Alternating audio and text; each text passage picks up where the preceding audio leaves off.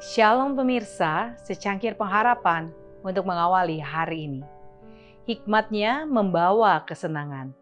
Jalannya adalah jalan penuh bahagia.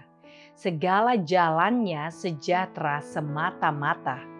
Ia menjadi pohon kehidupan bagi orang yang memegangnya. Siapa yang berpegang padanya akan disebut berbahagia. Amsal 3 ayat 17 dan 18. Orang bijak mengatakan bahwa jalannya adalah jalan penuh bahagia. Segala jalannya sejahtera semata-mata. Amsal 3 ayat 17. Banyak yang beranggapan bahwa pengabdian kepada Tuhan merusak kesehatan dan kebahagiaan yang mengembirakan kehidupan dalam hubungan sosial.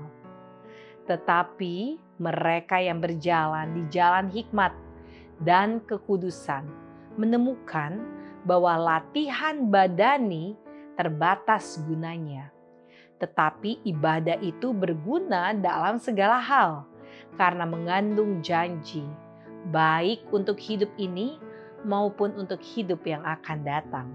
1 Timotius 4 ayat 8 Mereka hidup untuk menikmati kesenangan hidup yang nyata sementara mereka tidak diganggu dengan penyesalan yang sia-sia atas jam-jam yang salah, atau dengan kesuraman, atau kengerian pikiran, karena orang dunia terlalu sering tidak dialihkan oleh hiburan yang mengasyikkan.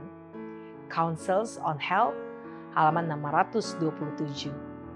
Agama yang benar memuliakan pikiran memurnikan cita rasa, menyucikan penilaian, dan membuat pemiliknya mengambil bagian dalam kemurnian dan kesucian surga. Agama yang benar mendekatkan para malaikat dan semakin memisahkan kita dari roh dan pengaruh dunia. Hal itu memasuki semua tindakan dan hubungan kehidupan dan memberi kita semangat pikiran yang sehat. Dan hasilnya adalah kebahagiaan dan kedamaian. Councils on Health halaman 629. Demikianlah renungan kita hari ini. Selalu mulai harimu dengan secangkir pengharapan.